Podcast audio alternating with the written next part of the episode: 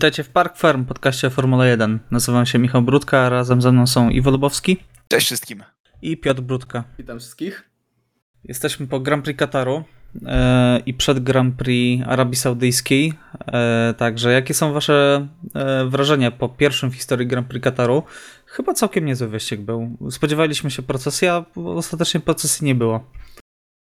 Przede wszystkim widzieliśmy wyprzedzania nie tylko na, poza strefą, y, zaraz za strefą DRS, także to faktycznie było pozytywne zaskoczenie. Nie był on jakiś niesamowity, był taki średni plus, ale powiem szczerze, że to i tak było więcej niż się spodziewałem. Natomiast y, tak jak sobie robiliśmy małe przypomnienie i oglądaliśmy sobie highlighty z wyścigu, to na pewno wiem, że wyścig był dużo ciekawszy niż samo przypomnienie tego Tak. wyścigu, które ukierunkowane były głównie na pod koniec na pękające opony. Nie szkoda, że nie było żadnej walki o żadnej walki o, o, o, o, o zwycięstwo, natomiast no pewnie zaraz o tym jeszcze powiemy, ale Hamilton z nowym silnikiem to jest troszeczkę inny świat w tym momencie. No właśnie Ze starym silnikiem. ze starym silnikiem. A, To był ten y, stary silnik. Czy- Właśnie o to chodzi. Okej, faktycznie, ja zupełnie, no już wyścig był tydzień temu, więc y, zupełnie ten temat przeoczyłem. Tak, y, ojejku, niestety. No, Wszyscy, boję- wszyscy, boję się fani, sobie- wszyscy fani Red Bulla teraz, o Boże. No właśnie, właśnie, właśnie, w tym momencie, właśnie w tym momencie to zrobiłem, nie wiem co powiedzieć. Piotrek, przejmij mikrofon. Znaczy myślę, że na żywo ten wyścig wydawał nam się wszystkim e, o wiele ciekawszy i bardziej emocjonujący ze względu na to, że e, no myślę, że nie, mało było osób, które nie kibicowały Fernando i e, nie chciało, żeby Fernando Alonso ponownie stanął na podium po siedmiu naprawdę długich latach. W końcu mu się to udało. E, byłem naprawdę mega szczęśliwy e, z tego powodu. E, no i właśnie ten wyścig był lepszy niż mi się wydawało, bo tak jak już wspomnieliście, spodziewaliśmy się procesji. Ja też myślałem, że to będzie jedna wielka procesja, ale też z drugiej strony, no, ta walka na torze nie była jakaś niesamowita.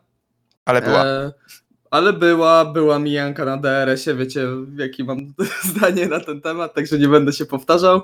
E, ja jedynie się obawiam, jeżeli chodzi o stan opon Pirelli przed następnym wyścigiem, bo tutaj jeszcze mieliśmy dużo miejsca.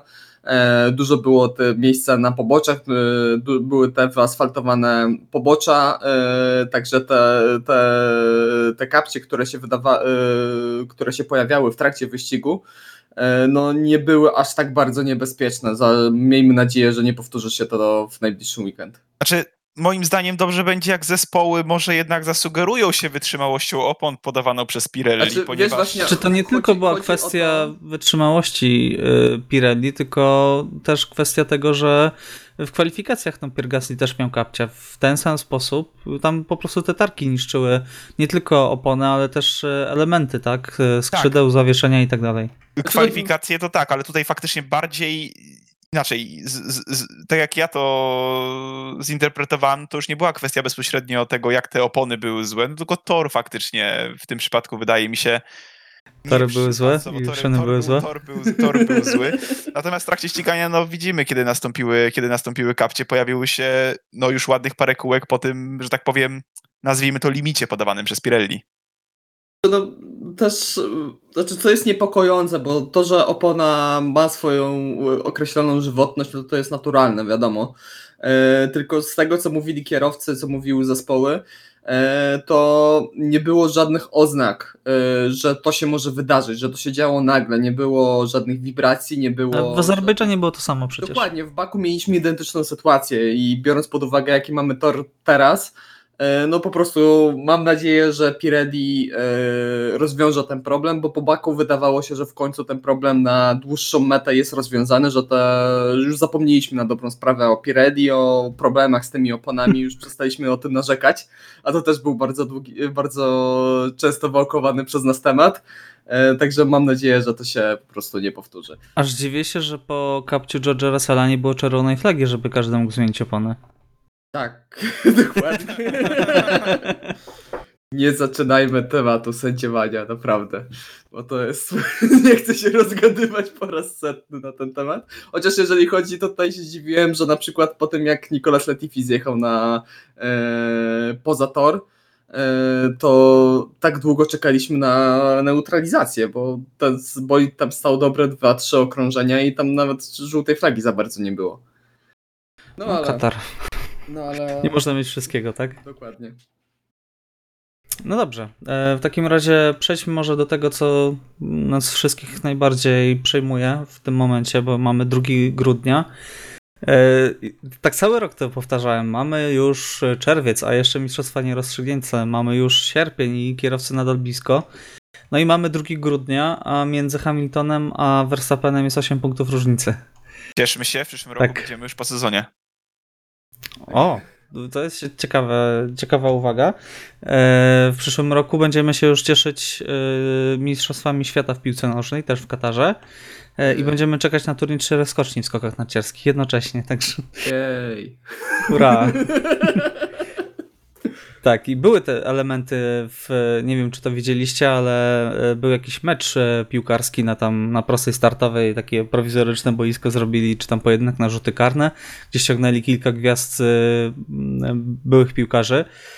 Między innymi tam kojarzyłem, że chyba Jaja Ture był, Cafu e, i Peter Schmeichel. I kierowcy Formuły 1 tam mieli pojedynek z piłkarzami na rzuty karne.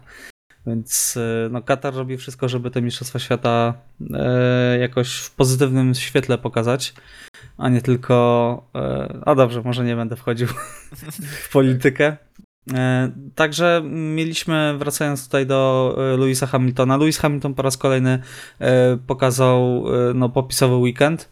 E, Nie było to jego zwycięstwo w żadnym momencie zagrożone. Jeszcze, e, co może jeszcze bardziej martwić e, Red Bulla i kibiców Red Bulla, no Mercedes go ściągał naprawdę w bezpiecznym momencie, a Hamilton nie, no przecież jeszcze za wcześnie, ja tu jeszcze mam mnóstwo żywotności w tych oponach. Także tam zapas był naprawdę ogromny i w żadnym momencie ta, ta, to zwycięstwo nie było absolutnie zagrożone. Także e, jak to skomentujecie? Czy tutaj no, mamy nadal dwa wyścigi? E, Jak to teraz wygląda? No jednak Hamilton ma już tyl- tylko 8 punktów, tylko i aż 8 punktów. Znaczy, No. jeśli chodzi o żywotność opon Louisa Hamiltona, tutaj bym się nie, nie zdawał na komunikaty radiowe, bo wiadomo jak to w przypadku tego kierowcy wygląda.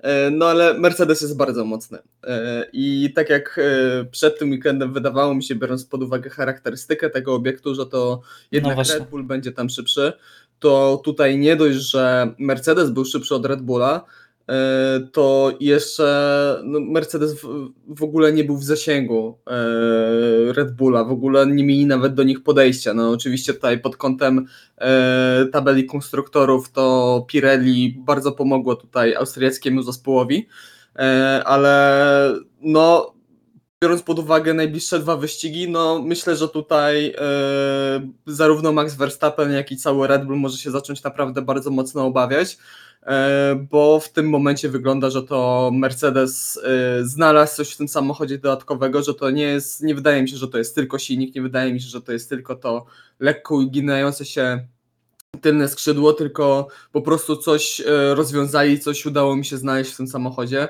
e, co zaczęło naprawdę bardzo dobrze działać. No to jest myślę, że dosyć podobna historia do tego, co było, na co wpadło Ferrari. Też pamiętamy, że w trakcie wyścigów Ferrari w tym sezonie na początku miało bardzo duże problemy, nie dogadywało się z oponami. W pewnym momencie coś zaskoczyło, coś udało mi się znaleźć w ustawieniach i jak Ferrari teraz wygląda, każdy widzi.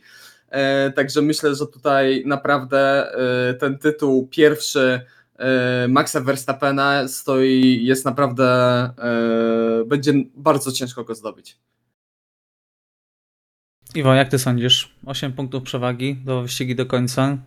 Nie jest No, to w żaden sposób bezpieczna przewaga. W żaden sposób komfortowa sytuacja dla Maxa Verstappena, jak widzimy po ostatnich dwóch wyścigach, szczególnie, że kolejny wyścig będzie, nazwijmy to wprost, typowo mocowy. I, i ile tam było? Chyba 78% z wciśniętym Mhm. gazem pełni? Znaczy, Coś ja szczerze tego? powiedziawszy, już tyle mieliśmy sytuacji w tym roku. Już y, Katar miał być y, pod Red Bulla skrojony, a okazało się zupełnie inaczej. Nie przesądzałbym tutaj, y, że Red Bull jest absolutnie na straconej pozycji. Nie, ja w pełni się zgadzam. No, Red, Bull, Red Bull i Max Verstappen udowodnili w tym sezonie, że tak naprawdę też yy, nie musi im podpasować konkretna charakterystyka tora, toru, żeby byli mocni.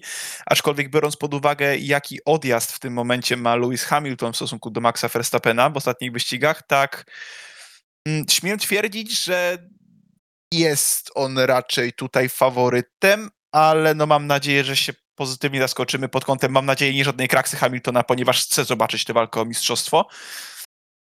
Ale właśnie zaskoczymy się tym, że jednak Red Bull nas pozytywnie zaskoczy i że będzie jakaś walka head to head.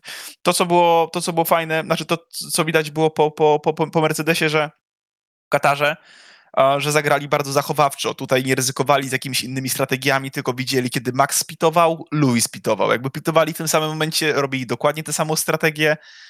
I uważam, że to było bardzo słuszne, ponieważ no, w tym sezonie widzieliśmy parę razy, że Mercedes potrafił popełnić błędy strategiczne, gdzie również był, potrafił zrobić po prostu majstersztyki strategiczne, co ba, bo, no, bardzo, bardzo ciekawe kontrasty widzieliśmy przez, na przestrzeni tego całego roku. Tak tutaj zagrali chyba najbardziej zachowawczo jak się dało i to był jeden z kluczy do sukcesu, na pewno. Tak, to, to też właśnie y, w trakcie tego sezonu parę razy y, wydawało mi się, że Mercedes czuł się zbyt pewnie pod kątem strategicznym, że w zeszłych sezonach tak często im wychodziły te zagrywki, te nieoczywiste rozwiązania, że właśnie w tym sezonie również ich próbowali, y, parę razy ich to zabolało. No i tutaj to, co Iwo właśnie powiedział, zagrali naprawdę bardzo bezpiecznie, no i myślę, że tutaj, no czym mieli ryzykować, mieli cały czas bezpieczną przewagę, chcieli ją utrzymać i e, no i co, no było to takie, e, używając starej, no, e, starego słownictwa w Formule 1, takie fatalowe zwycięstwo w wykonaniu Louisa Hamiltona. E, No nie do końca wetelowe, ponieważ nie zgarnął najszybszego okrążenia. Więc- No tak, ale nie wiem, czy zauważyliście jeszcze tutaj, że Max trochę po raz kolejny trochę się prosił o kłopoty w kwalifikacjach w momencie, w którym naprawdę miał dużą stratę do Hamiltona. Zignorował tam, wiem, że tam były różne e, kontrowersje z tym związane, ale jednak zignorował ostatecznie po raz kolejny e, żółtą flagę i dostał karę. Co prawda świetnie się z tego e, no, wykaraskał, e, ponieważ e, w pięć okrążeń przeskoczył z siódmego na drugie miejsce, e, co mi trochę przypominało to, co wyczyniał Hamilton e, w Brazylii w sprincie. E, Natomiast e, no jednak było to takie zachowanie trochę typowe dla Maxa. Ja mam wrażenie, że on czasami tak A może e, nie zauważył?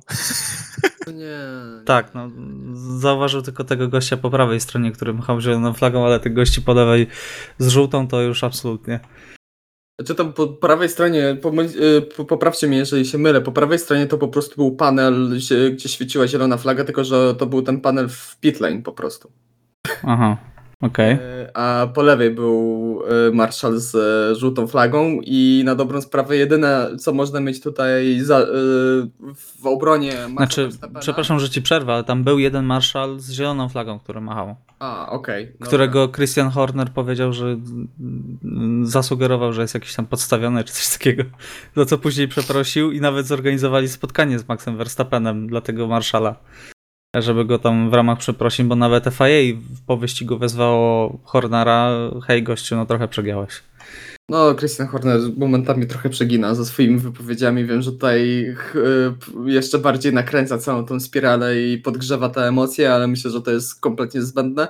No a co do samej kary dla Maxa Verstappena, no to jest już kolejny raz. To nie jest jego pierwsza kara e, za nierespektowanie żółtych flag w trakcie kwalifikacji. No naprawdę mam nadzieję, że to kiedyś się nie skończy czymś poważnym, no bo tutaj mimo wszystko mamy bolid, który praktycznie stoi na torze.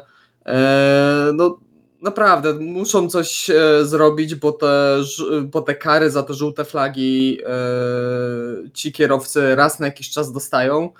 Myślę, że tutaj trzeba sprawić, żeby, żeby trochę utemperować kierowców, no bo mimo wszystko podwójna żółta flaga, e, no to jest coś poważnego. To wiadomo, że się tak e, po, po, oglądając to w telewizji się wydaje, że no dobra, z boku stał bolid, nic wielkiego, no ale podwójna żółta flaga to oznacza, że równie dobrze na to, że może się znajdować właśnie marszal jakiś porządkowy. E, Także kierowca musi być na to przygotowany, a nie jechać z gazem w podłodze. Także no tutaj trzeba, trzeba, trzeba coś zrobić, bo to już jest kolejny raz i to już nie tylko w stronę Maxa Verstappena, ale e, praktycznie za każdym razem, kiedy są żółte flagi w trakcie kwalifikacji, no to któryś z kierowców dostaje karę, no i no i dostaje karę i nic z tego się nie dzieje i za, następnym razem mamy tę samą historię na dobrą sprawę. No dobrze. To w takim razie, Iwo, czy chciałbyś się dodać jeszcze Nie, e, do dyskusji? Wydaje mi się, że kara zasłużona i w tym przypadku nikt nie ma żadnych wątpliwości co do tego, także no Max powinien wyciągać wnioski. Ja wiem, nie był jedynym kierowcą, którego, którego kara... Chwila. Nie był jedynym kierowcą, którego kara dosięgła Walteri na to. Bottas jeszcze. Walteri Bottas, Tak. dokładnie. No właśnie. E, także nie pierwszy raz się to zdarza i widząc, co się dzieje na prostej startowej, bo to był Pierre Gasly, prawda? Tego co Mhm. pamiętam? Tak, Tak. Gasly. Wiedziałem po prostu, że to się stanie. Jakby to było oczywiste, tylko byłem ciekaw strasznie kto. Tak, no i na dobrą sprawę Max Verstappen się postawił w takiej, przez tą karę postawił się w takiej pozycji, że jedyne co mógł uzyskać, no to to drugie miejsce, bo możemy przewidzieć taki scenariusz, że e, Max Verstappen startuje lepiej od Louisa Hamiltona, wyprzedza go na prostej startowej, no i wtedy, mimo że mieli gorsze tempo, no to myślę, Się że... bronić. No w USA już tak bronić. było, na dobrą Dokładnie, sprawę. mógł mógł się bronić, mogli tutaj to rozegrać inaczej strategicznie i myślę, że tutaj mogli nawet wygrać ten wyścig, jeżeli wiele czynników by się dobrze dla nich ułożyło, a przez tę karę po prostu postawić się w takiej pozycji, że jedyne co mógł uzyskać, e, najwięcej co mógł uzyskać to było to drugie No, miejsce. Na tym, na tym etapie to już jakby taka sytuacja może przesądzić o, o, o mistrzostwie. No nie dowiemy się, czy, czy, czy, czy to konkretnie miałoby jakiś wpływ, czy nie, ale no na tym etapie mistrzostw nie można sobie pozwolić na taką nieuwagę. Okej, to może przejdźmy do osoby, która absolutnie była uważna we wszystkich momentach. Nando. A jeszcze chciałbym wspomnieć przed Nando Jednak. e, o jeszcze jednej osobie, o Walterim Botasie, e, który miał strasznie pechowy weekend. Znaczy pechowy. No. Trochę mm, kara w, po kwalifikacjach, bardzo kiepski start w niedzielę, potem przebicie się na trzecie miejsce.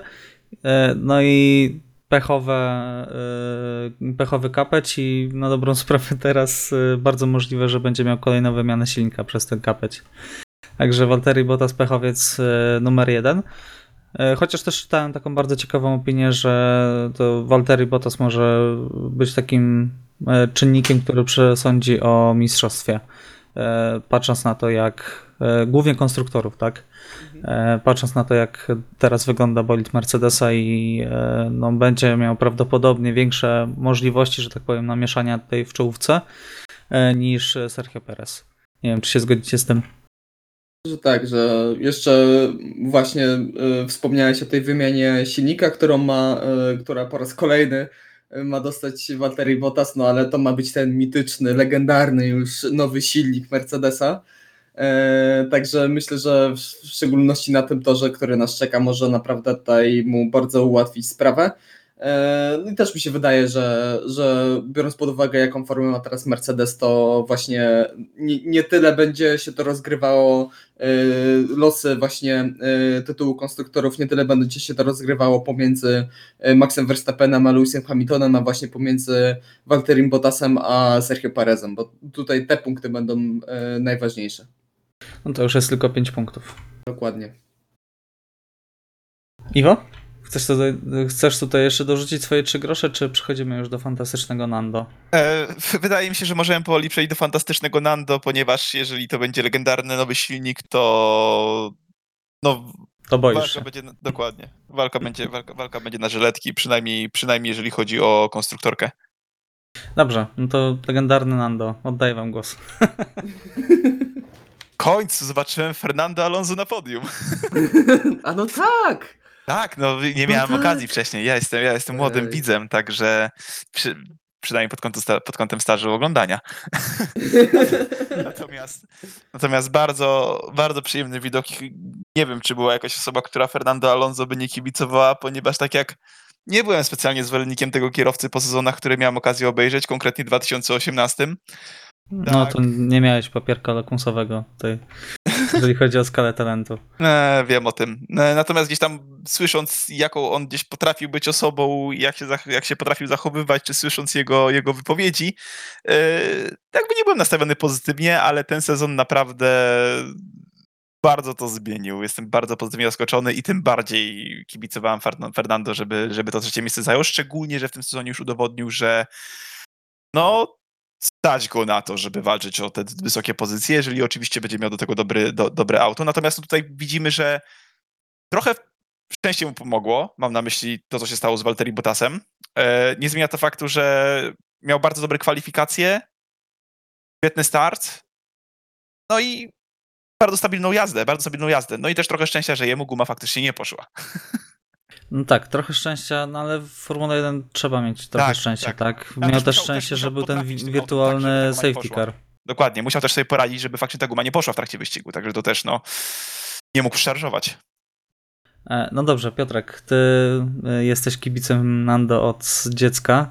E, Od, ja pamiętam jak miałeś, nie wiem, 7-8 lat i oglądałeś e, jak Fernando zdobywał kolejne e, tytuły mistrzowskie, później e, walka w McLarenie, rozczarowania w Ferrari. E, Także jak to, jak to przyjąłeś to podium Fernando Alonso? No coś pięknego, naprawdę. To było. No, bardzo się cieszyłem z tego, bo tak jak mówisz, jestem naprawdę fanem Fernanda Alonso. No, od pierwsze sezony, które tak y, bardziej pamiętam na dobrą sprawę, jeżeli chodzi o Formułę 1, to właśnie było już z udziałem Fernanda Alonso i ten Alonso zawsze był gdzieś tam w czołówce. Tym przepięknym Renault. Tak, w tym przepięknym Renault, te dwa tytuły. E, później, późniejsza kariera no, była, była jaka była, z dużymi tutaj kontrowersjami zawsze, e, ale naprawdę bardzo dobrze zobaczyć Fernando znowu walczącego o czołówkę. To pokazuje, że naprawdę kierowcy takiego formatu, mimo że można jakbyś spojrzeć właśnie na statystyki, na ilość zdobytych mistrzostw, że dwa tytuły to e, nie jest aż taka skala talentu, ale no tutaj widzimy, że gość ma no prawie 40 lat, a nadal potrafi e, robić takie rzeczy. Także naprawdę wielki szacunek, wielki szacunek e, właśnie za zarządzanie oponami, za to, że e, na takiej ryzykownej stra- strategii e, potrafił przejechać tak, tak długo, a myślę, że też cały weekend był naprawdę fantastyczny, bo też piąty czas w kwalifikacjach to naprawdę fenomenalny rezultat. Później oczywiście startował z drugiego rzędu dzięki tym karom, ale myślę, że tutaj naprawdę Alpin e, generalnie było bardzo mocne w ten weekend Tak, i Zaskakująco mocno. zaskakująco mocne i tutaj myślę, że e, Fernando e, wykorzystał to w pełni. A jeżeli chodzi też o takie podejście do, do, do Alonso i do Alonso do swojego otoczenia, to, to, to co trochę wspominał Iwo, że wydawał mu się niezbyt sympatycznym gościem, e, to myślę, że on po prostu w tym zespole, w tej ekipie Zenstone, e, w Renault, jakkolwiek ten zespół się, się, się nazywał, to on po prostu się tam czuje jak w domu, tam się czuje jak ryba w wodzie i to, to jest jego miejsce i myślę, że tak długo jak będzie tam jeździł, to e, to, to będzie trochę inny Fernando Alonso niż e, większość, myślę, fanów go zapamiętało z ostatnich lat. No tak, no był, był Fernando. No tak. Zobaczymy za rok. Fernando w Ferrari i McLarenie no, był trochę toksyczny, no, nie, nie oszukujmy. Tak, tak, tak, bardzo. No tak, natomiast y, tak jak powiedziałeś, y, świetny występ Alpin, bo też trzeba y, wspomnieć o Estebanie Okonie, coś co robimy bardzo rzadko, piąte miejsce, także trzecie, piąte miejsce, naprawdę świetne wyniki, świetny weekend. No i trochę nam się rozwiązała walka, bo jeszcze niedawno się ekscytowaliśmy, kto będzie na trzecim miejscu w konstruktorce, kto będzie na piątym miejscu, a wydaje mi się, że zarówno tutaj Ferrari, jak i Alpin w tym momencie już mają dosyć bezpieczną przewagę. E, I no, jeżeli chodzi o konstruktorów, to myślimy tutaj tylko o walce o pierwsze miejsce. E, Żebyśmy tylko takie problemy mieli, prawda? Tak, także gratulacje dla Fernando, naprawdę fajnie było to zobaczyć i mam nadzieję, że, e, że nie po raz ostatni. E, Natomiast porozmawiamy właśnie o tym, o czym już e, całkiem sporo powiedzieliśmy, także e, kolejne problemy z oponami Pirelli. E, Czy sądzicie, że powinny być tutaj jakieś zmiany, e, jeżeli chodzi o może nie tyle o rekomendacje, albo no właśnie ciężko mi to ugryźć, bo z jednej strony no, nie będziemy tutaj narzucać przecież ile zespoły mają przejechać okrążeń na danym e, komplecie opon, bo to dojdziemy do absurdu, E, ale z drugiej no mamy kolejną sytuację, to już ciągnie się latami, kiedy te opony no bez żadnego e, no, mm, ostrzeżenia wybuchają, tak? I to są dostawcę. naprawdę zmiany dostawcy, tak. Pancerne Bridgestone e, rozwiązanie sytuacji. Tak. Nie, ale tak serio, to sądzicie, że jest jakieś tutaj wyjście z tej sytuacji, czy to jest po prostu ryzyko, które jest wpisane w ten sport? Ja myślę, że musi być, no bo y, to, to jest to co, to, co już w sumie na dobrą sprawę powiedziałem, że tutaj największym problemem jest nie to, że te opony e, mają taką trwałość, jaką mają, bo wiemy, że też FIA trochę naciska tutaj na Pirelli, albo taka jest oficjalna linia obrony Pirelli, którą powtarzają przez lat, żeby te opony też się w miarę szybko powiedzmy zużywały. E, Tylko największym problemem jest to, że te opony nie dają znać, że zespoły ani kierowca, ani zespół nie mają takiej, e, powiedzmy w cudzysłowie, e, lampki kontrolnej, która się zapala i mówi, no słuchaj, jeszcze pół okrążenia, jeszcze okrążenie i, i będzie po oponie, że ta opona już totalnie właśnie wybuchnie, tylko że te opony działają, działają, działają, po czym nagle się rozrywają w trakcie jazdy i to w szybkich łukach, także myślę, że to jest największy problem. E, No ja myślę, że ta Pirelli musi zadziałać i musi zadziałać bardzo szybko, no bo to co już mówiliśmy, ten tor ponad, e, który już patrząc po zdjęciach, jak to nagrywamy, to widać, że jest naprawdę ciasny. E, Ponad te 70% z gazem w podłodze. No, ja nie chcę, żeby tam jakaś opona nagle w trakcie tych łuków w środku wybuchła którymś z kierowcy, bo może się wydarzyć, możemy mieć powtórkę z rozrywki w Baku, tylko że w Baku e, ten tor jest o wiele szerszy. No, Mam nadzieję, że do tego nie dojdzie, ale no jest takie zagrożenie, tak. Na każdym torze miejskim. Znaczy nie wiem, czy możemy nazwać tor w Arabii Saudyjskiej No. miejskim, bo tak jak Pio- Piotrek mi wczoraj powiedział, że właśnie e, jaki to jest tor miejski, skoro, skoro oni muszą specjalnie wylewać asfalt na większości toru, żeby był ten tor, istniał w ogóle. No nie, on na miejski się nie kwalifikuje zdecydowanie. No tak, dobrze. To w takim razie y, zobaczymy, co tutaj y, wydarzy się, czy cokolwiek się wydarzy. E, Myślę, że tutaj nie wiem, czy jest sens dalej ciągnąć ten temat, także może postawimy tutaj kropkę. Czy chcielibyście coś jeszcze powiedzieć na temat y, Grand Prix Kataru, bo, e, bo jednak y, powoli zmierzamy do końca dyskusji na temat e, tego wyścigu, stosunkowo szybko, jak na nas, ale no, też nie, nie za bardzo było tutaj o czym mówić, końcówka sezonu tak wygląda. Było, było lepiej niż się spodziewaliśmy. Tak, mówię, średni, średni z plusem, dostateczny z plusem. To widzimy się w 2023 roku, ale na innym torze, jak dobrze pamiętam. Mhm. Tak. Takie są No plany, właśnie, zobaczymy. takie są plany. Także zostawmy, zostawmy ten tor na, na, na MotoGP. Zobaczmy, co nam zaproponują mimo wszystko za, za, za półtorej roku, czy tam za dwa lata. No dobrze, to ja chciałbym poznać Wasze zdanie na temat wypowiedzi Damona Hilla, e, który powiedział dosyć ciekawą rzecz. E, Wypowiadał się na temat e, domniemanej sytuacji, która może się wydarzyć, czyli kraksy decydującej o mistrzostwie. Bo już takie scenariusze są. A co będzie, jeżeli Max Verstappen wiedzie w Louisa Hamiltona w ostatnim wyścigu, albo będzie się bardzo agresywnie bronić, Hamilton odpadnie i będzie koniec walki o mistrzostwo? E, Damon Hill zaproponował, że e, taka, taki scenariusz byłby absolutnie fatalny dla sportu i nie można do czegoś takiego dopuścić, e, że FIA powinno mieć moc do wprowadzania punktów karnych w klasyfikacji. Czyli nie jest oddzielna tabelka na punkty karne, tylko dajmy na to y, Lewis Hamilton y, no, niszczy wyścig Maxowi Verstappenowi w Wielkiej Brytanii. Dostaje nie podczas wyścigu karę, tylko y, jedzie normalnie wyścig, albo dostaje jakąś tam karę, ale dodatkowo jeszcze dostaje, dajmy na to, 10 albo 15 punktów karnych z klasyfikacji Mistrzostw Świata żeby po prostu nie dopuszczać do takich sytuacji, w których no, kierowcy trochę świe, świeżbią ręce na kierownicy i pozwala sobie na e, trochę za dużo. E, patrz kazus e, Michaela Schumachera. Mm. Znaczy ja, Hmm. myśl, ja myślę, że generalnie rzecz, e, do, dosyć takie radykalne rozwiązanie, moim zdaniem jest na pewno do zastanowienia się nad ten temat. E, tylko no, z drugiej strony wiemy, jakie jest sędziowanie w Formule 1. Ja się obawiam tych punktów ujemnych do tytułu, bo to może być naprawdę. Oczywiście dawno nie mieliśmy takiego sezonu jak ten, że, że ten tytuł będzie rozgrywany, będzie się rozstrzygał najprawdopodobniej o pojedyncze punkty. E, Ale myślę, że e, danie takiego mechanizmu e, może nie tyle sędziom, którzy decydują w trakcie wyścigu, tylko jakiejś odgórnemu organowi, E, Myślę, że byłoby nawet sensownym rozwiązaniem, żeby trochę utemperować kierowców, no bo to, to, to nie jest pierwsze, bo to może być e, nie pierwszy raz w historii Formuły 1. No właśnie e, wspomniałeś już o Schumacherze w 97 roku, który został w ogóle zdyskwalifikowany za tamten sezon. Tak. E, to było bardzo surowe e, rozwiązanie, no ale też mieliśmy, rozwiąz- mieliśmy taką sytuację w Schumacher jeszcze wcześniej, tak?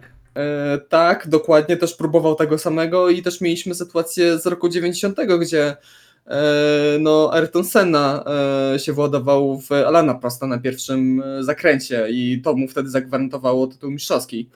E, Także myślę, że to takie sytu- nikt nie chce, nie, nie chcielibyśmy, żeby te, ten sezon taki wspaniały, który naprawdę nas emocjonuje do samego końca, rozegrał się w taki sposób, że e, czysto hipotetycznie e, to, że jeden i drugi nie ukończył tego wyścigu, da na przykład Maxowi Verstappenowi y, tytuł mistrzowski, to Max Verstappen wiedzie w pierwszym zakręcie w Louisa Hamiltona.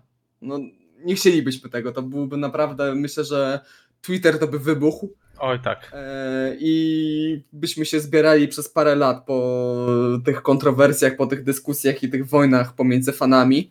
Także... No Max Verstappen byłby wrogiem numer jeden po prostu większości fanów tak, także... Formuły 1. Także myślę, że tutaj e, jest to do rozważenia, jeżeli, e, no, jeżeli Max Verstappen nie, e, nie zapewni sobie tytułu po tym weekendzie, bo to też jest czysto teoretycznie jeszcze możliwe.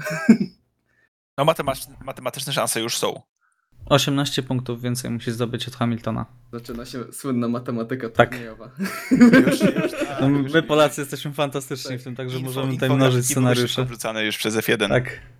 To się musi wydarzyć, żebyśmy wyszli. A Iwo, jak, y, co ty sądzisz na ten temat? Powinny być punkty karne w klasyfikacji za takie ewidentne Tu e, jest sytuacje? Znaczy powiem tak, jeżeli faktycznie byłoby, byłaby szansa, żeby udowodnić, że w lepszy sposób niż przede wszystkim faktycznie musiałby się za to zabrać ktoś bardziej kompetentny niż... niż Alex Albon by jeździł. Nie, musiało to by być troszeczkę bardziej kompetentne podejście niż to, które widzieliśmy w Brazylii. Zacznijmy od tego. Bo jeżeli na tej podstawie mielibyśmy oceniać, no to wolałbym, żeby już nic nie zmieniali. Nie No może przed testami w Barcelonie by się uwinęli, no. O Jezus. E, o, o, niestety obawiam się, że, może, że, że możesz mieć rację, że, że, że dopiero wtedy by to nastąpiło. Natomiast no, to, byłaby, to, byłaby gruba, to byłaby naprawdę bardzo gruba afera i powiem tak, musie, musiałby być naprawdę niezbity dowód, że do tego doszło, a To taki kryminał na torze, taki naprawdę coś, co... Kryminał na torze, to tak. Taki, Dopóki- co, co dopóki nas- postawiło czy to innego kierowcę, czy to porządkowy, czy kogoś innego, naprawdę zagrożenie życia tutaj. Dopóki faktycznie nie ma takiej ewidentnej, stuprocentowej, niepodważalnej winy, to moim zdaniem to będzie nigdy, to nigdy nie będzie do zrobienia. Znaczy, no, Bo jakakolwiek decyzja, Jak- No, to, no tak, ale jakakolwiek decyzja była po prostu przy ogromną burzę. No to już wiadomo, że wszystkie decyzje podejmowane e, wywołują jakąś burzę w zależności od tego, jak wielu fanów prawda, jest za tym. Natomiast e, decydowanie o mistrzostwie, wiadomo, kie- kierowca zderzający się z drugim kierowcą i ma, jeżeli ma to decydować o mistrzostwie, no to jest medialne samobójstwo dla tej osoby, więc też nie, są, nie spodziewam się naprawdę w żadnych e, najgłębszych gdzieś tam tutaj jakichś przewidywaniach, żeby Max czy Luis pozwolili sobie na, na coś takiego. E, tak myślę. E, ale jeżeli by do tego doszło, to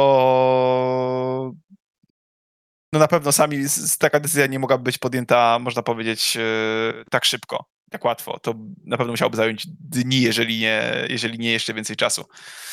Bo Miejmy nadzieję, że nie niewykonalne. Na razie, na, na, wydaje mi się, że realnie jest to niewykonalne. No, miejmy nadzieję, że nie będziemy musieli się nad tym zastanawiać, szczerze powiedziawszy, e, że ta, do takiej sytuacji nie dojdzie, że dojdzie do wypadku pomiędzy jednym a drugim, e, czy to specjalnie, czy to nie, no bo na tym straci cały sport. Na tym Tak. nie straci tylko jeden kierowca, na tym wszyscy stracą po prostu. Ale czy bym chciał, jeżeli faktycznie byłyby niepodważalne dowody, że ktoś zrobił to umyślnie, to jak najbardziej tak. Oczywiście. No ale wiesz, jakie będą niepowtarzalne, niepodważalne Nie wiem. dowody. Aleksander. Ja skręcałem ten Albon. Alex Albon będzie jeździł w Williamsie w przyszłym sezonie, to nie będzie bezstronny, Jakby, trzeba będzie znaleźć wiem, kogoś. Zacznijmy od tego, że fajnie jakby była udostępniona na przykład kamera z, z kokpitu, czy, czy, czy z halo kierowcy, prawda? Tutaj i Tak. który powoduje, Albo, albo jakby sędziowie mieli dostęp do telemetrii. Tak, tak, tak, albo F1 TV Pro. E, także to, no, to już dużo ułatwi, więc widzimy na jakim poziomie teraz jesteśmy sędziowania, więc no, nie spodziewam się, żebyśmy byli blisko podejmowania takich decyzji. A kierowca, który zdecyduje się na taki ruch, no tak jak wcześniej wspomniałem, popełni medialne samobójstwo. Nie sądzę, żeby było to w interesie Lewisa Hamiltona, który już jest gwiazdą i Maxa, który staje się gwiazdą. No dobra. Jeździ już tyle lat i jest dopiero, jest jeszcze tak młody, dopiero teraz znowu to do mnie dociera. Okej, no to zobaczymy. Na pewno jest to ciekawe rozwiązanie i myślę, że warto się nad tym zastanowić. Natomiast e, włodarze Formuły 1 nie zastanawiali się nad tym, żeby utrzymać Hiszpanię e, w kalendarzu. Serio, to jest. mamy tyle tyle wyścigów, tyle torów jest, tyle fantastycznych e, miejsc do ścigania, a Hiszpania będzie w Formule 1 do dwa- 2026 roku. No ja tego nie rozumiem po prostu. Piękny tor z tradycją. Tak, wiem Piotr, że jest- lubisz na nim jeździć, w, jak grasz w Formułę 1 na komputerze, ale nie wiem, no dla mnie oglądanie, jedyne co jest ciekawe w, w tym torze to testy zimowe, kiedy, Jeżeli tam są. jeżeli tam są dokładnie, a mają być w przyszłym roku, to będą bardzo ciekawe testy, zwłaszcza, że mają nie być transmitowane, więc e, będzie taki powrót do lat poprzednich, e, sprzed 5-6 lat, gdzie e, chodziły tylko plotki, że no, oni są szybcy. No, nie musiałeś tego tak agresywnie przedstawić. To przedstawiłem bardzo stronniczo, no tak, no, ale mm, Piotrek, no to słucham, no ty bardziej lubisz Hiszpanię niż ja. Yy, Nie, no ja myślę, że po prostu najbardziej sensownym, yy, żeby jeżeli mamy zostawić ten tor w kalendarzu, oczywiście te nowe bolidy nas stawiają przed szansą, że nie będzie takich problemów yy, w podążaniu za drugim samochodem. Szczególnie w trzecim myśl- sektorze. Tak, no właśnie, ten trzeci sektor, zmieńmy ten trzeci sektor na starą nitkę. Na nitkę motocyklową. Zwłaszcza, że on tam jest. Usuńmy- Tak, on tam cały czas jest. Tam Tak. są wyścigi, Trzeba po prostu pojechać prosto, a nie w prawo. Wlejmy tam asfalt, to, to, to się dzieje, no. wymieniany jest asfalt, zróbmy to po prostu i niech e, te bolidy się napędzają na tę prostostartową, żeby tam mogły być jakieś manewry wyprzedzania i myślę, że to naprawdę by wiele zrobiło dobrego w kontekście te, te, tego obiektu. No zmieniłoby zdecydowanie dynamikę e, trzeciego sektora, prawda? No bo ta Mhm. szykana no, psuje wszystko, jakby psuje całą możliwość e, podążania, wyprzedzania, cała nabyta, ca, ca, cała można powiedzieć nadrobiona odległość w drugim sektorze je, jest marnowana tej jednej szykanie. Także no... Cieszymy się. Tak, cieszymy się. No wiadomo, że tutaj grają pieniądze. bardzo duże, bardzo dużą rolę. Pieniądze i mamy dwóch Hiszpanów w Formule 1 teraz, tak? Dokładnie. Chociaż e, z drugiej strony też jest pomysł generalnie w Formule 1, żeby były e, wyścigi rotacyjnie, bo jest ty, tylu chętnych na zorganizowanie Grand Prix Formuły 1, że e, Stefano Dominicali r- rozważa takie podejście, żeby niektóre rundy się wymie, wy, wymieniały. No było tak z Grand Prix Niemiec przez jakiś czas, tak? Że się Mhm. wymieniał Hockenheim z Nürburgringiem i było to całkiem fajne rozwiązanie. Jest, o, jest Heres. Heres ma homologację w ogóle w tym momencie na F1? No, jeżeli nie Jerez, to Walencja. No właśnie. Walencja to był Nie. też w miarę- co? Tylko, że Walencja już nie istnieje. Nie istnieje? Nie, tam już jest ruiną ten tor niestety. A to, Ojej. A to był bardzo fajny ładny tor. Naprawdę. A czy jeszcze Robert Kubica nie miał testów w Walencji ze 4 lata temu, jak wracał? Tak, te pierwsze, pierwsze testy z Renault. Wydaje, że to był inny tor. Okej. No tak czy inaczej, no jest Jerez. jest Heres, dokładnie. E, I były przecież e, takie podejścia rok temu, tak, jak mieliśmy ten e, ultrapandemiczny sezon i mm, szukało się torów, na których można cokolwiek rozegrać, to też Heres wchodziło tam w grę. Także to nie jest tak, że tam e, no, zarósł ten tor i nikt tam nie jeździ, tylko naprawdę można tam jeździć. Cash is king. Tak, dokładnie. To jest najlepsze podsumowanie. Czyli rozumiem, że chcesz już Iwo porozmawiać o Grand Prix Arabii Saudyjskiej, tak? W temacie kasyjskiej. No dobrze. No mamy jeszcze pomysł na, jeszcze tak wtrącę w e, tym temacie wcześniejszym, że mamy pomysł na trzeci wyścig w Stanach Zjednoczonych i na drugi wyścig w Chinach. Gandziu Zhou jeszcze nie zadebiutował w Formule 1, a już, e, już chcą drugi wyścig w Chinach. No Fred Wasser jest zachwycony, nie wiem czy słyszeliście tę Tak. wypowiedź, ale powiedział, że zadzwoniło do niego tylu e, chętnych sponsorów, że więcej niż w przeciągu ostatnich 25 lat. Także mm, Obajtek nie jest zachwycony chyba, jak to usłyszał. No nie do końca, ale się dogadali. Dogadali się, tak. Robert Kubica będzie kierowcą testowym. Jeżeli nie słyszeliście, w e, przyszłym roku zostaje w tej samej roli. E, Nie jestem wielkim fanem tego rozwiązania, e, natomiast no, mam wrażenie, że to jest już bardziej transakcja wiązana dla Roberta, tak? Że po prostu Orlen wyłoży kasę na e, wyścigi długodystansowe, jeżeli będzie w Formule 1 Kubica na tym kierowcy testowym i pokaże się kilka razy na, na torze. No dobrze, to może przejdźmy do, do takiej smutnej wiadomości. E, niestety odeszła e, legenda, absolutna legenda tego sportu. Jedna z osób, które zredefiniowały Formułę 1, Frank Williams, niestety zmarł e, w ostatnich dniach. E, no, człowiek, który zaczynał od e, majsterkowania w garażu, a skończył z tym, że jego zespół zdobył 16 tytułów mistrzowskich. Postać absolutnie wielka. E, I jakie są Wasze wspomnienia może z e, Frankiem Williamsem? Myślę, że nie ma sensu tutaj wymienić wszystkich, e, wszystkich jego e, osiągnięć, ale e, sprawiał zawsze osobę, która absolutnie kochała ten sport i kochała wyścigi. I nawet przypomina mi się teraz słowa Roberta Kubicy, który mówił, że on dużo chętniej rozmawiał z Frankiem Williamsem i gdyby on miał więcej do powiedzenia w zespole, ten jego rok mógł wyglądać trochę inaczej, ale reszta e, zarządu nie chciała go za bardzo słuchać w, już w tym czasie. E, Także co, co, co powiecie, bo, bo no naprawdę postać ogro- ogromna, e, o ogromnej wadze ta Formuła 1. Tak, no, stworzył zespół legendarny. Jest to jeden z e, niewielu tych zespołów, które w tym, w tym sporcie jest od tak dawna. No, szkoda, jedynie można naprawdę e, się smucić, że Williams w ostatnich latach wyglądał tak, jak wyglądał i e, ten zespół, który był no, w latach, e, w szczególności w latach 90., który po prostu rozdawał który tworzył trendy, jeśli chodzi o technologię, o rozwiązania, skończył w taki sposób, skończył na końcu stawki.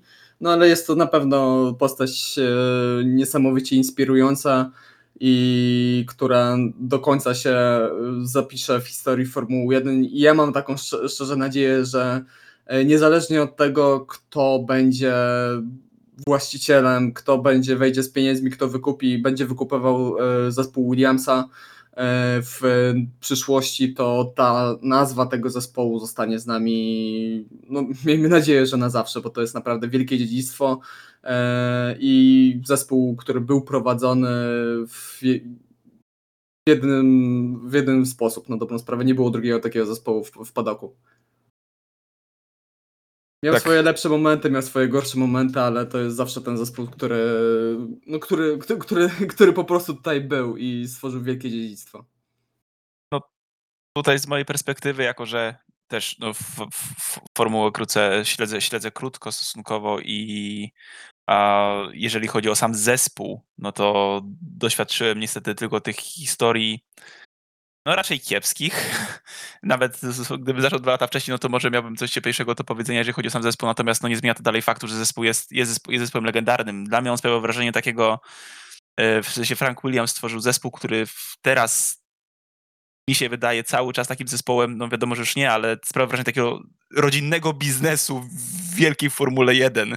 Oczywiście z, z pozytywami z, ze sporymi negatywami e, takiego, nazwijmy to, pochodzenia, ale no tak jak Michał wspomniał o osiągnięciach, e, 16 mistrzostw, tak, to było 9 Tak. konstruktorek, 7 mistrzostw e, kierowców, no niesamowity wynik na zespół, który powstał no, od zera został stworzony przez, przez, przez, przez człowieka zainspirowanego, człowieka chcącego coś osiągnąć, e, a nie przez e, olbrzymie fundusze, które pozwoliły wejść potężnej korporacji do sportu. Także no, to jest coś niesamowitego i no, nazwa pozostanie z nami, mam nadzieję, do końca sportu. Eee, No i miejmy nadzieję, że gdzieś tam to dziedzictwo zostanie w jakiś sposób odrodzone w kolejnych latach właśnie już yy, przy, nowych, przy nowych regulacjach i no już teraz wydaje mi się, że jesteśmy na dobrej drodze. Także mimo, mimo, że mieliśmy bardzo mieszane uczucia, uczucia, szczególnie w 2019 roku, tak myślę, że w głębi i tak no gdzieś tam kibicujemy i kibicowaliśmy, żeby Williams w końcu z powrotem wspiął się gdzieś na swoje wyżyny. No tak, e, na pewno osobom, które mm, krótko oglądają Formułę 1 albo chciałyby poznać po prostu bliżej e, historię Franka Williamsa, polecam e, dokument na Netflixie Williams. Jest naprawdę zaskakująco dobry. Ja dowiedziałem poruszający. się mnóstwo rzeczy, poruszające naprawdę. Bo jednak życie Franka Williamsa to nie były tylko wielkie zwycięstwa, ale też no, wielka tragedia osobista spowodowana wypadkiem. E, Więc na pewno bardzo inspirująca postać i, e, no i żałujemy, że, że już nie ma go z nami. E, Także myślę, że dziękuję, możemy tylko podziękować Frankowi Williamsowi, bo takiej historii w Formule 1 mam, mam wrażenie, że już no, nikt nie powtórzy.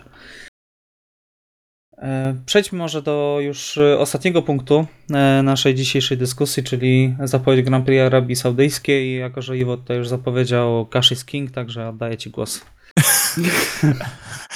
Jeżeli chcesz ode mnie usłyszeć, czego się tutaj spodziewam, to ja nie Tak. mam zielonego pojęcia. Naprawdę. No szalony tor po prostu. Znaczy, powiedziałbym, co, co ten nitka toru mi przypomina, ale nie wiem, czy będę o tym mówił specjalnie na, na, na, na samym podcaście, ale no, ja lubię tory szybkie, ale lubię tory szybkie w pokroju Monzy albo, albo Spa. E, Takie tutaj- racjonalnie szybkie. racjonalnie szybkie, dokładnie. Ten tor wydaje mi się za bardzo lewoskrętny. E, e, natomiast natomiast e, zakrętów jest właśnie, to chciałem zakrętów jest 27, a wydaje mi się jakby były 3 dosłownie na całym torze. Także to jest moja, nie, realnie to jest moja największa obawa, bo kiedy mamy większość zakrętów, które możemy przejechać z pełnym gazem, to to mam wątpliwość, niestety e, obawy, takie, które przede wszystkim obawy bezpieczeństwa, które podał Piotrek, natomiast no, wierzę, że tor nie dostałby homologacji, gdyby realnie byłby tak niebezpieczny, jak nam się w tym momencie przynajmniej wydaje. E, nie wiem, jestem w kropce. Tak pierwszy raz jestem w aż takiej kropce przed jakimkolwiek wyścigiem. No, wielka niewiadoma na pewno. E, Jeżeli chodzi o ten kalendarz, kompletnie nie wiemy, czego się spodziewać. E, Mercedes ze swoim turbosilnikiem powinien być mocny, ale tak jak Red Bull mówiłem już wcześniej. Tak, dokładnie. Także jakie są wasze przewidywania? Piotrek, może, może ty zaczniesz od kilka słów na temat tego Grand Prix i może już przejdźmy do przewidywań. No, tak jak Iwo mówił, tutaj patrząc na samą nitkę, to myślę, że tutaj może być jeden z tych torów, na którym będzie mało wyprzedzania ze względu na charakterystykę bolidów, e, ale myślę, że może być nawet przyjemnie się oglądać e, to, jak te samochody będą po prostu po tym torze jeździły. Mam nadzieję, że nie będzie to jakichś grubych dzwonów, że wszystko się bezpiecznie skończy. E, No i zobaczymy, no zawsze to jest nowy tor, zawsze to jest coś zupełnie nowego, każdy, wszyscy kierowcy się tego toru uczą, także tutaj e, to też jest zawsze jakaś furtka na jakieś e, nieoczywiste rozwiązania. E, No, tak jak wspomnieliście i tak jak większość ekspertów twierdzi, wszyscy stawiają tutaj na Mercedesa, jeszcze biorąc ten legendarny silnik Mercedesa, który ma dać Z Brazylii. tak, z Brazylii, niszczyciel światów, wszystkiego. Także y, wszystko wskazuje tutaj, że y, Mercedes będzie tutaj rozdawał kartę, ale zobaczymy, naprawdę. Też jestem ciekawy, jak to koniec końców się, e, się ułoży. Dobrze, to słucham Piotrek. E, Kwalifikacje, wyścig, kierowca dnia. Może Iwo najpierw. Bo chcę, chcę inaczej, bo chcę trochę odrobić punkty. Wiem, że już nie wygram tej naszej gry, ale chcę, żeby to Czy nie ja w tym tak momencie nie podaję punktacji za poprzednie wyścigi, e, żeby tutaj podtrzymać jeszcze emocje, e, bo były ciekawe rozwiązania. żebyśmy sami liczyli, kurczę. Możesz, wiesz, prze, m, przelecieć przez wszystkie e, 17 odcinków w tym roku. Nie, nie, nie, nie, nie, nie za dużo. No dobrze, Iwo, to słucham. To ja, tak? Hmm. Tak. Wydaje mi się że faktycznie, że kwalifikacje i wyścig wygra Lewis Hamilton, a pozytywnie zaskoczy nas i kibiców yy, Pierre Gasly. Pierre Gasly. Okej. Miał Ciekawy- w tym sezonie, ciekawy wynik. w tym sezonie, ale E, Powiem ci, że Wierzę. wyjątkowo często stawiasz na Pierre Gassiego w ostatnim czasie, bo stawiałeś Tak. ostatnio i stawiałeś też w USA. Ja nie razu O. nie trafiłeś. okej, ale właśnie nie, w końcu trafię. Ja jestem konsekwentny, wierzę w, wie- wierzę w niego. Okej, Piotrek? W takim razie? No, ja myślę, stawiasz? że nowy tor e, będzie ślisko, także Valtteri Bottas w kwalifikacjach. E, jeśli chodzi o e, wyścig, to stawiam na Maxa Verstappena, a na kierowcę dnia stawiam Charlesa Leclerca. Okej, ciekawie. E, Ja nie będę zbyt e, oryginalny, stawiam na Louisa Hamiltona e, w sobotę i w niedzielę, natomiast e, kierowcą dnia e, postawię tym razem Lando Norrisa. Przebudzenie McLarenów. Ale No może. Szczerze powiedziawszy, jeżeli mam tak się jeszcze odnieść do tych moich predykcji, y, tego co stawiam w tym naszym typerze, to myślę, że macie, będziecie mieli rację, tylko po prostu chcę jakoś punkty odrobić. No musisz, musisz coś zrobić, musisz zaryzykować. Ryzykuję, no już nie mam nic do stracenia. No dobrze, to w takim razie będziemy kończyć e, ten odcinek Park Firm. E, Dziękujemy Wam bardzo za uwagę, uwagę, jeżeli dotarliście do samego końca. Liczymy na to, że e, będziemy świadkami niesamowitego wyścigu w Arabii Saudyjskiej i słyszymy się już pewnie w przyszłym tygodniu przed ostatnim już, wow, wyścigiem w, w tym roku. Także za uwagę dziękuję Iwo Lubowski, Dzięki, do usłyszenia. Piotr Brudka Dzięki wielkie, cześć. I Michał Brudka. Trzymajcie się, cześć.